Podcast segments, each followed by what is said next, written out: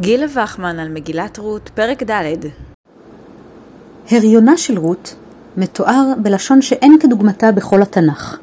במקום ותהר ותלד כמקובל, נאמר כאן ויתן אדוני לה הריון.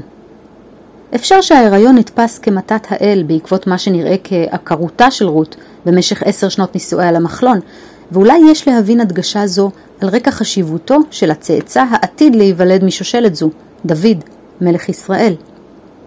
הביטוי החד פעמי ויתן אדוני לה הריון עורר את תשומת ליבם של בעלי המדרש, והם קובעים בקשר אליו כי עיקר מיתרין לא היה לה לרות, וגילף לה הקדוש ברוך הוא עיקר מיתרין.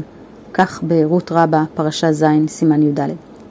עיקר מיתרין הוא הרחם, על פי היוונית, ומכאן גם mother האנגלית. ולפי מסורת זו התרחש נס בהריונה של רות. מי שלא זכתה להעמיד צאצאים במשך עשר שנים, משום שחסרה את איבר הלידה העיקרי, הרתה בזכות התערבותה של ההשגחה. עקרותן של אמהות היא כידוע מסורת מקראית נפוצה. שרה, רבקה, רחל, חנה ואימו של שמשון היו עקרות, ופקידתן בבנים היא מאורע הזוכה לתשומת לב מיוחדת.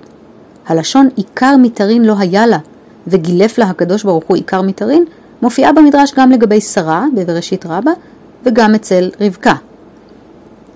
בכך מצטרפת אפוא רות אל הנשים המקראיות שהריונם היה בבחינת נס, והופכת להיות לא רק כרחל וכלאה, כברכת העם בפסוק י"ד, אלא גם כשרה וכרבקה.